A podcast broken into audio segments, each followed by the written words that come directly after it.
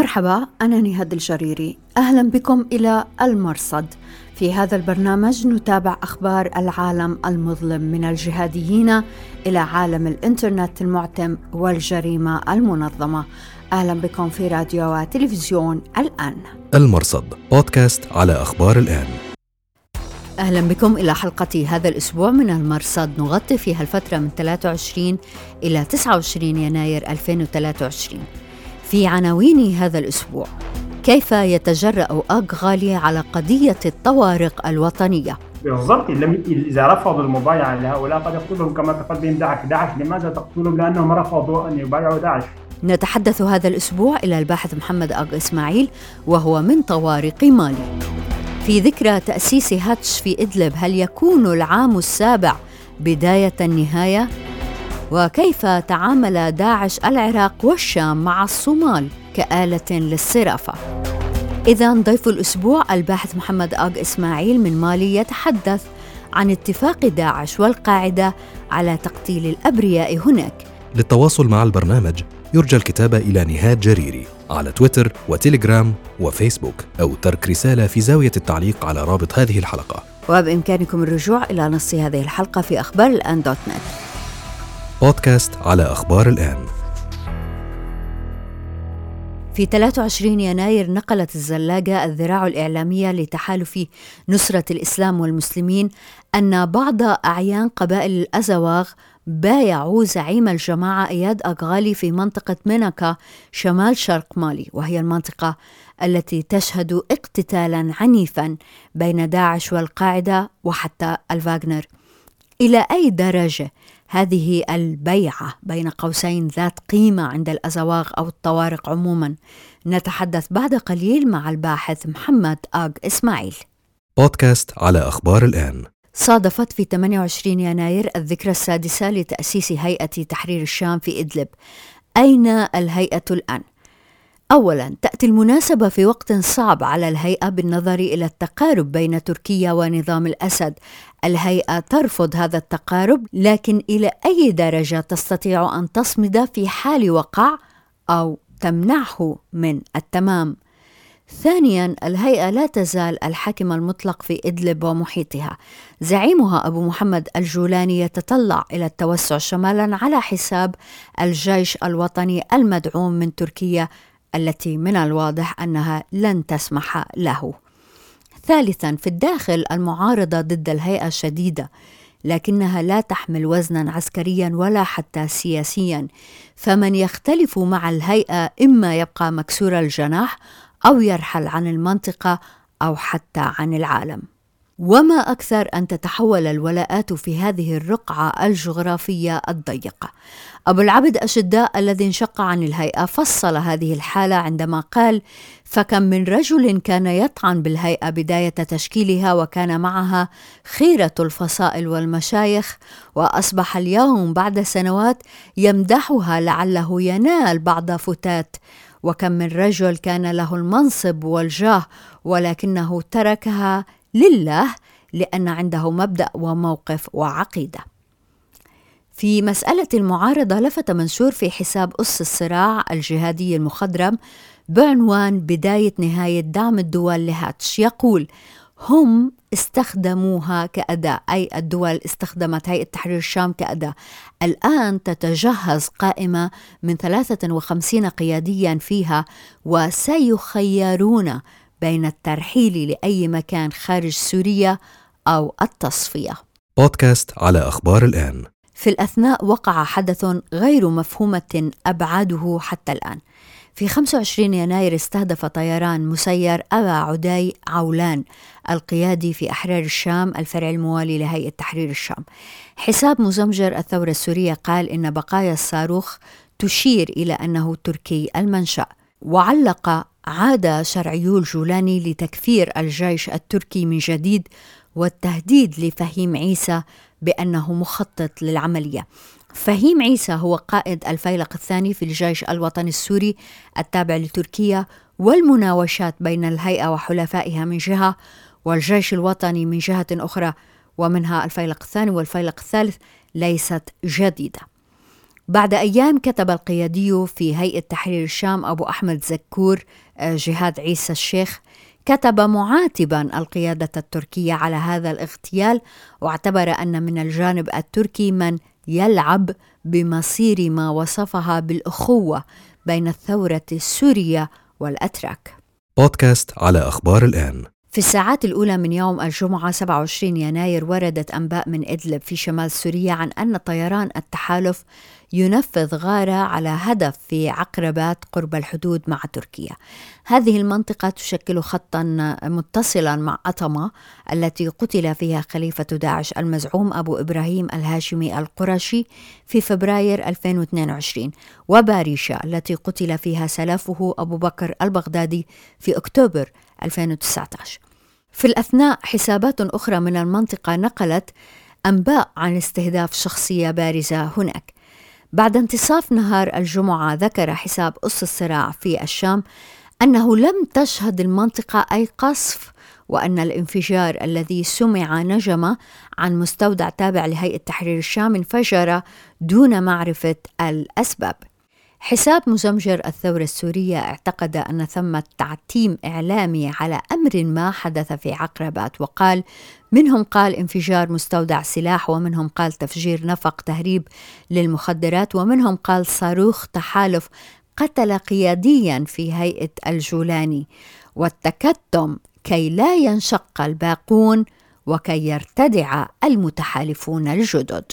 بودكاست على أخبار الآن. عندما أعلن تنظيم داعش عن قتل خليفته المزعوم أبي الحسن الهاشمي القرشي وتنصيب أبي الحسين الحسيني القرشي كان لافتا أن المؤرخين للتنظيم لم يسارعوا إلى البحث عن هوية الرجل ولو من باب التكهن بسبب تقلص قائمة المرشحين ممن قد تتوفر فيهم شروط الإمارة تنظيميا على أقصى تقدير.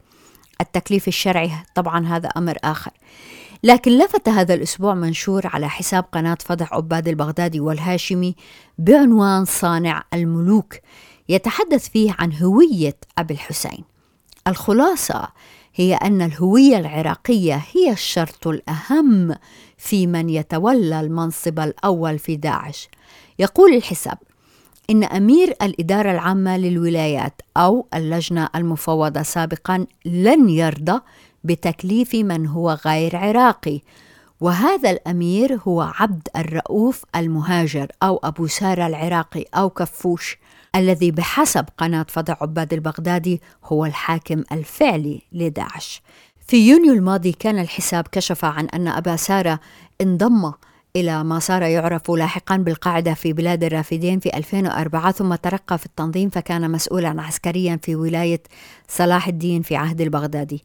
يقول حساب قناة فتح عباد البغدادي والهاشمي إن الرجل لن يسمح أن يسلم منصب الخليفة لغير العراقيين حتى إن اقتضى الأمر أن يبقى المنصب شاغرا أو صوريا وعليه وبما أن التنظيم اختار الخليفة من خلال مجلس شورى التنظيم يسأل الحساب من هم الأشخاص الذين يكونون حاليا مجلس شورى التنظيم. ويجيب إن المعروفين منهم هم إما قتيل أو أسير.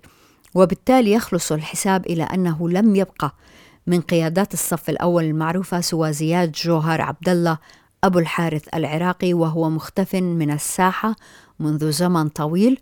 والشخص الثاني هو أبو سارة وهذا يعني أن هناك احتمال شبه مؤكد أن أبا سارة العراقي هو القيادي الوحيد الذي يتربع على عرش مجلس شورى التنظيم ويجلس على كل مقاعده بودكاست على أخبار الآن أعلنت وزارة الدفاع الأمريكية قتل أبي بلال السوداني المسؤول في تنظيم داعش الصومال وذلك في عملية خاصة يوم 25 يناير في شمال البلاد. السوداني يمثل شريان حياة التنظيم في شرق أفريقيا فهو المسؤول عن التمويل. بيان الدفاع الأمريكي أشار إلى أن للسودان دور أيضا في تدعيم التنظيم ليس فقط في الصومال وإنما في أفغانستان. حساب قناة فضع عباد البغدادي والهاشمي ذكر أن السوداني كان أحد أمراء ما يسمى مكتب الكرار الذي يدير العمليات في الصومال والدول الحدودية القريبة منها وولاية وسط إفريقيا الكونغو والموزمبيق. لفت في هذا المنشور أمران. الأول يقول هذا الحساب إن هذا المكتب كان ولا يزال له الفضل الكبير في تمويل العديد من الولايات وكذلك القيادة المركزية للتنظيم. بل إن المركز في العراق والشام كان يتعامل مع الصومال كآلة للصرافة. الحساب نشر وثيقة من أمير الصومال السابق عبد القادر مؤمن يسأل فيها عن أفضل الطرق لتحويل الأموال إلى العراق والشام. الأمر الثاني اللافت هو أن يرجح الحساب أن المعلومات التي ساعدت على كشف هوية أبي بلال السوداني خرجت عن طيب خاطر من أفواه عناصر تنظيم الدولة داعش خلال التحقيقات. بودكاست على أخبار الآن. أهلا بكم دائما في أخبار الآن. إذا يحتدم القتال في شمال شرق مالي بين القاعدة وداعش. في النهاية الماليون الأبرياء هم من يرزخون تحت نير هذا الاقتتال على النفوذ. تطور جديد وقع في يناير هو التنازع على ولاء الطوارق الأزواق. نرحب هذا الأسبوع بالباحث محمد أج إسماعيل وهو من طوارق مالي. شكرا جزيلا لوجودك معنا في البرنامج مرة أخرى أستاذ شكرا محمد. لكم. شرف لنا أنا أشارك معكم في هذا البرنامج. أهلا فيك. أستاذ محمد ماذا يعني أن يحظى إياد أغالي ببيعة من بعض أعيان الأزواق كما جاء في بيان إعلام نصرة الإسلام والمسلمين؟ فعلا هذا تطور جديد من نوعه لأن في النهاية كما قلنا في حوارات سابقة بأن المنطقة يجري فيها يعني تغيرات شبه جذرية في الآونة الأخيرة خصوصا عقب التحولات التي حدثت بعد الانسحاب الفرنسي وكذلك تواجد المكثف للجماعات الإرهابية في المنطقة وغياب أي بديل للمواطنين من أجل حمايتهم من قبل الجماعات الإرهابية وتحديدا دولة الدولة الإسلامية في الصحراء والساحل. لأن في النهاية نرى بأن منطقة مينيكا التي حدثت فيه حدث فيه ما حدث من بين قوسين مبايعة لبعض الأشخاص لزعيم جماعة نصرة الإسلام والمسلمين يدك غالي يأتي في هذه المنطقة شهدت يعني ويلات من العذاب ومن التدمير والقتل والتشريد من قبل دولة الإسلام والمسلمين. لذلك حدث هناك يعني حينما جاءت جماعة الإسلام والمسلمين من داعش نعم هذا ما أقصد يعني أن الدولة الإسلامية في الصحراء والساحل داعش. طبعا وحينما تطور الأمر لدرجة كبيرة جدا أصبح المواطنين هناك في المنطقة هاجروا منازلهم ومناطقهم وقراهم وذهبوا إلى المدن الكبيرة مثل مدينة ملكة نفسها وكيدال ومدينة غاو ومن ثم بعضهم تجاوز إلى الحدود الجزائرية. فطبعا في هذا الإطار آه، فعلا جاءت جماعة نصرة الإسلام والمسلمين كطرف يحمي هؤلاء من داعش. يعتبر تقريبا منقذ لهؤلاء من ويلات داعش. فلذلك يعني ما سمعناه يعني لا نستبعده لأن في النهاية إذا أصبح المواطن يعني بلا مأوى بلا حامي وجاء هناك جماعة ما وقامت بحمايته بحد إلى حد ما فمعنى ذلك أن هذه هؤلاء المواطنين الذين طبعا مستواهم العلمي والثقافي محدود. من الطبيعي جدا أن ينحازوا وراء هذا المنقذ بين قوسين طبعا. ولكن على أرض الواقع تطورات سلبية بالنسبة لمجتمع الطوارق وبالنسبة أيضا لأمن المنطقة بشكل كامل لأن في النهاية أي مبايعة أو أي دعم لأي أي من الجماعتين سواء داعش أو نصرة المسلمين هذا يعتبر تهديدا للأمن لأمن المنطقة والمواطنين على المدى البعيد كيف أستاذ محمد كيف إياد أغالي يورط الطوارق وهو منهم؟ سؤال آه، في غاية الأهمية وطبعا آه، يورطهم حسب وجهة نظرنا نحن ولكن وجهة في وجهة نظره هو يرى هذا هو السبيل بالنسبة له لأن في النهاية كل من يعتنق الفكر الجهادي يرى بأن كل شيء كل شخص لا يتساوى معه في الفكر لا يعتبره أصلا يعتبره في الضلال المبين. فلذلك هو في وجهة نظره أن مباعد هؤلاء له واندماجهم معه يعتبره إنقاذا لهم وفقا لفلسفته الجهادية. فهذا رؤيته في الأمور ولا طبعا ولكن نحن نخالف الرؤية بتمام ونعرف بأن هذا ليس في مصلحة الطوارق وليس في مصلحة المنطقة. آه، لكن هؤلاء المواطنين الذين كما قلت وجدوا أنفسهم بين المطرقة والسندان لم يجدوا بديلا إلا أن يحموا أن يحتووا به آه، حماية من دولة داعش. لذلك أنا أعط- أسميها أن المبايعة التي حدثت هي عبارة عن مبايعة ظرفية استثنائية. لأن في النهاية إن لم يبايعوه قد يقتلهم هو أيضا. فما البديل؟ أستاذ محمد تقصد نصرة الإسلام. والمسلمين قد يقتلون هؤلاء الطوارق. بالضبط. إذا رفضوا المبايعة لهؤلاء قد يقتلهم كما تفعل بهم داعش. داعش لماذا تقتلهم؟ لأنهم رفضوا أن يبايعوا داعش.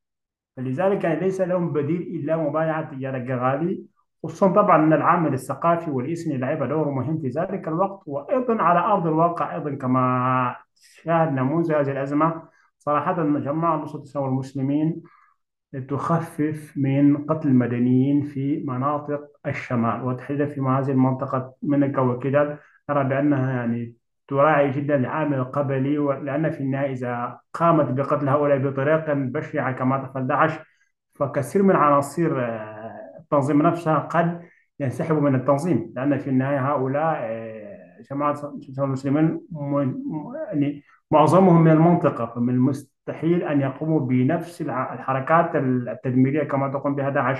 لذلك هم تعاملهم مع المنطقة مختلف عن تعاملهم في وسط البلاد الذي يواجهون فيها يعني مناهضة وعدم الاعتراف بهم. فهذه هي الحقيقة. ولكن على بشكل عام ما حدث مأساة صراحة يعني تضر مجتمع الطوارق بشكل عام وتضر منطقة منطقة الساحل لأن هذا يعتبر يعني دعما وتأييدا لجماعة الإسلام والمسلمين. وأنا شخصيا لا أفرق بين الجماعتين من حيث الأهداف والاستراتيجية لأن في النهاية هدفهم هدفهما واحد. ومجرد السيطرة بين قوسين تحت ظل ما يسمى تطبيق الشريعة الإسلامية. نعم وأنت هنا تقصد داعش ونصرة نعم. الإسلام والمسلمين.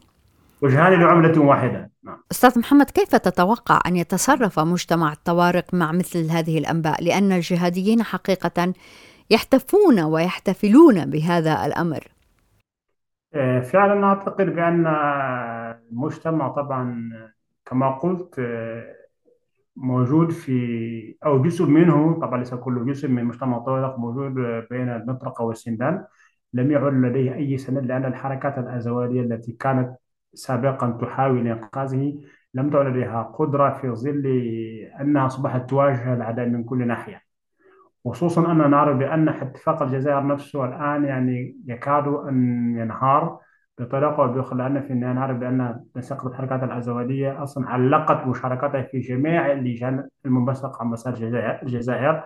لذلك حدث هناك أصلا يعني حدث هناك يعني مفاوضات مكوكية بين الوسيط الجزائري والحكومة المركزية في مالي سواء في بوماكو أو في اللقاء الأخير لوزير لوزير الخارجية ووزير المصالحة الماليين مع مسؤول المسؤولين الجزائريين بما فيهم رئيس الجزائر نفسه في من أجل حلحلة هذه الأمور ولكن حتى الآن للأسف الشديد لم يحدث أي تطور يذكر. وهناك أنباء تشير بأن 8 فبراير القادم قد يحدث هناك يعني تغيرا تغيرا جذريا في منطقة آه، أزول وتحديدا في ما في تنسيق الحركات الأزول لأنها في النهاية عندها مشروع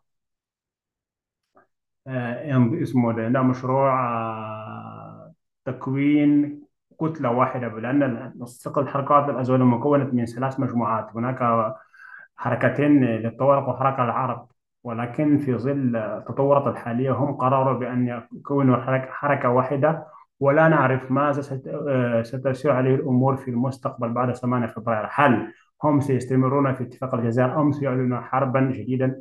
هذه الأمور حتى الآن يعني لا تزال غامضة لأن في النهاية لم تعد هناك ثقة بين الطرفين. في ظل هذه التطورات آه، صراحة مجتمع الطوارق والسكان المنطقة كلها سواء طوارق أو عرب أو حتى الفلات آه، الذين ينتمون إلى هذه الجماعات أو والسنغي لأنهم هؤلاء الإثنيات الأربعة المكونة الرئيسية لسكان منطقة الشمال. كل هؤلاء صراحة يواجهون مشاكل جمة وحتى الآن الحكومة المركزية في بوماكو لم تقم ببوادر يعني يمكن أن نعتبرها يعني يعني حماية لهؤلاء حتى الآن. فالأسابيع القادمة مخوفة. أستاذ محمد نحن تحدثنا في هذا الموضوع سابقا لكن الأخبار الحقيقة لا تزال متواترة في نفس السياق. صف لنا معاناة أبناء شعبك من بطش الجماعات الجهادية داعش والقاعدة وحتى الفاغنر. هو فعلا كما تفضلتم أن الوتيرة مستمرة كما كانت من سوء إلى أسوأ مع أن حدث نوع من التحالف الذي ذكرناه سابقا في الفترة الأخيرة بين جماعة نصرة الإسلام والمسلمين وبعض الحركات الأزولية في منطقة منكا وتحديدا من حركة إنقاذ أزواد وكذلك حركة إبغاد وغيرهم في منطقة منكا حيث استطاعوا أن يسدوا تقدم داعش لأن داعش لا لم لم تتقدم في المناطق مناطق منطقة منكا وغاو بل أصبحت في مناطق القديمة منذ عدة شهور حتى الآن. فهذا يعتبر إيجابي إلى حد ما رغم أننا لا نعرف ماذا ستؤول الأمور. ولكن بالنسبة للوضع الإنساني حسب جميع المراقبين ومنظمة حقوق الإنسان أنه يعني أسوأ سنة عاشتها المنطقة هي عام 2022 آه، رغم كل ما قيل من آه، تقدم الجيش المالي ومن آه، حصول على تقنيات عسكرية وطائرات حربية لكن على أرض الواقع لم يحدث أي شيء إيجابي بالنسبة لسكان منطقة الشمال. ولكن لا, لا فلنكن منصفين أيضا بأن منطقة الوسط في وسط البلاد مالي وفي منطقة المتحدة حدث هناك نوع من التطور والهدوء النسبي نتيجة الحوار الذي حدث بين المكونات الإثنية هناك وكذلك بتواجد إلى حد ما من الجيش العسكري المالي هناك في منطقة الوسط لكن في الشمال الوضع يعني يتأزم آه، ومناطق مثل ولاية مدينة منكا مدينة جاوا مدينة كيدان مكتظة بالنازحين خصوصا من منطقة آه، الحدود الثلاثة أي منطقة بين مالي وبوركينا فاسو والنيجر وبل حتى في عشرات الآلاف من البوركينيين الذين أيضا هم اضطروا اللجوء إلى مدينة من جو آه، فطبعا الأمر لم يعد فقط من سكان شمال مالي ولكن حتى دولة بوركينا للأسف الشديد المناطق الحدودية كلهم اضطروا للجوء إلى مدينة جو فلذلك يعني هناك دعوات إغاثية كثيرة جدا. ولكن للأسف الشديد الحكومة المركزية أخذت قرار مؤخرا لتعليق كل آه، منظمات آه، إنسانية التي يأتي تمويلها من قبل فرنسا أو من الاتحاد الأوروبي وهذا طبعا أثر أيضا على الجانب الإنساني أكثر.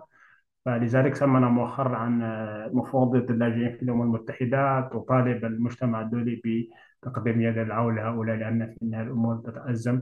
وحتى فيما يتعلق بالمنسمة نفسها لم تعود لديها قدرة للقيام بمهامها كما كانت. فهناك سيناريوهات فيما يتعلق هل النسبة ستستمر أم لا؟ فالأوضاع في شمال مالي ستشهد في الفترة القادمة تطورا نوعيا. أستاذ محمد سمعنا أيضا أن هذه الجماعات الجهادية تقوم بحصار قرى بأكملها بحيث تمنع عنهم الطعام. كيف يحدث هذا؟ ليس فقط ليس فقط أنها تحاصر بل هي أصلا هي أصلا يعني متمركزة لها قواعد عسكرية في آه، مناطق معينة في خصوصا منطقة الحدود الثلاثة وتحديدا يعني إذا إذا أخذنا مثلا ولاية منكا فسنعرف سنعرف بأن ما عدا المدينة نفسها جميع البلديات والقرى إما تحت سيطرة داعش أو تحت سيطرة نصرة الإسلام والمسلمين.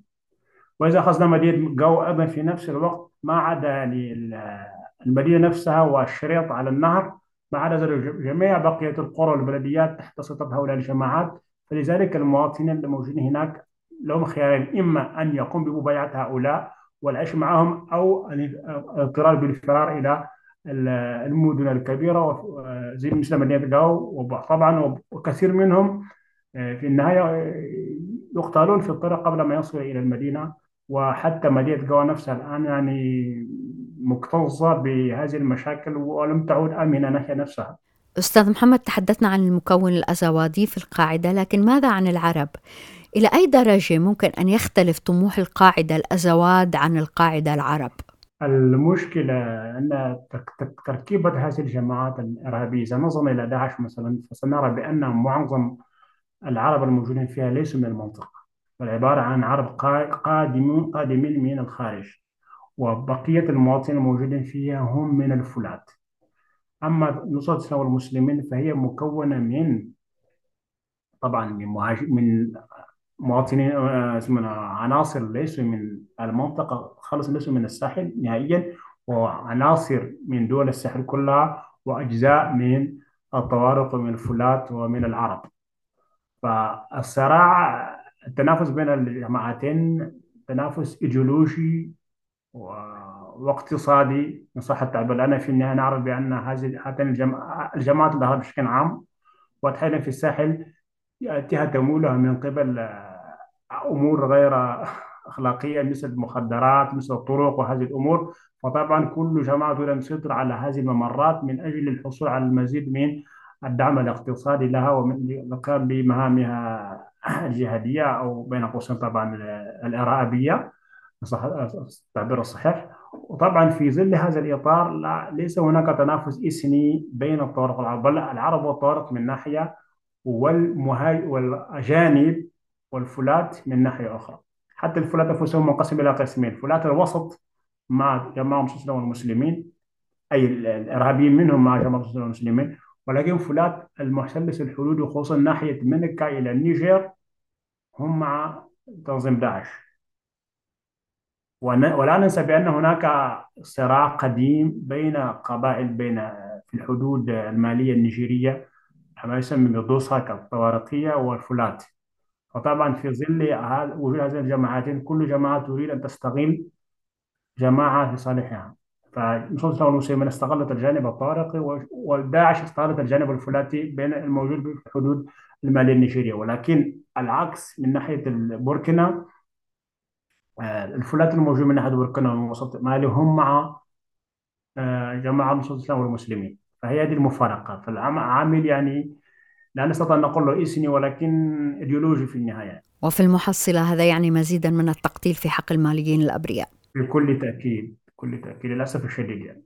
أستاذ محمد أج إسماعيل شكرا جزيلا لك. شكرا لكم. جزاكم الله خير. وشكرا جزيلا لوجودكم معنا في أخبار الآن. أنا نهاد الجريري مع السلامة. بودكاست على أخبار الآن.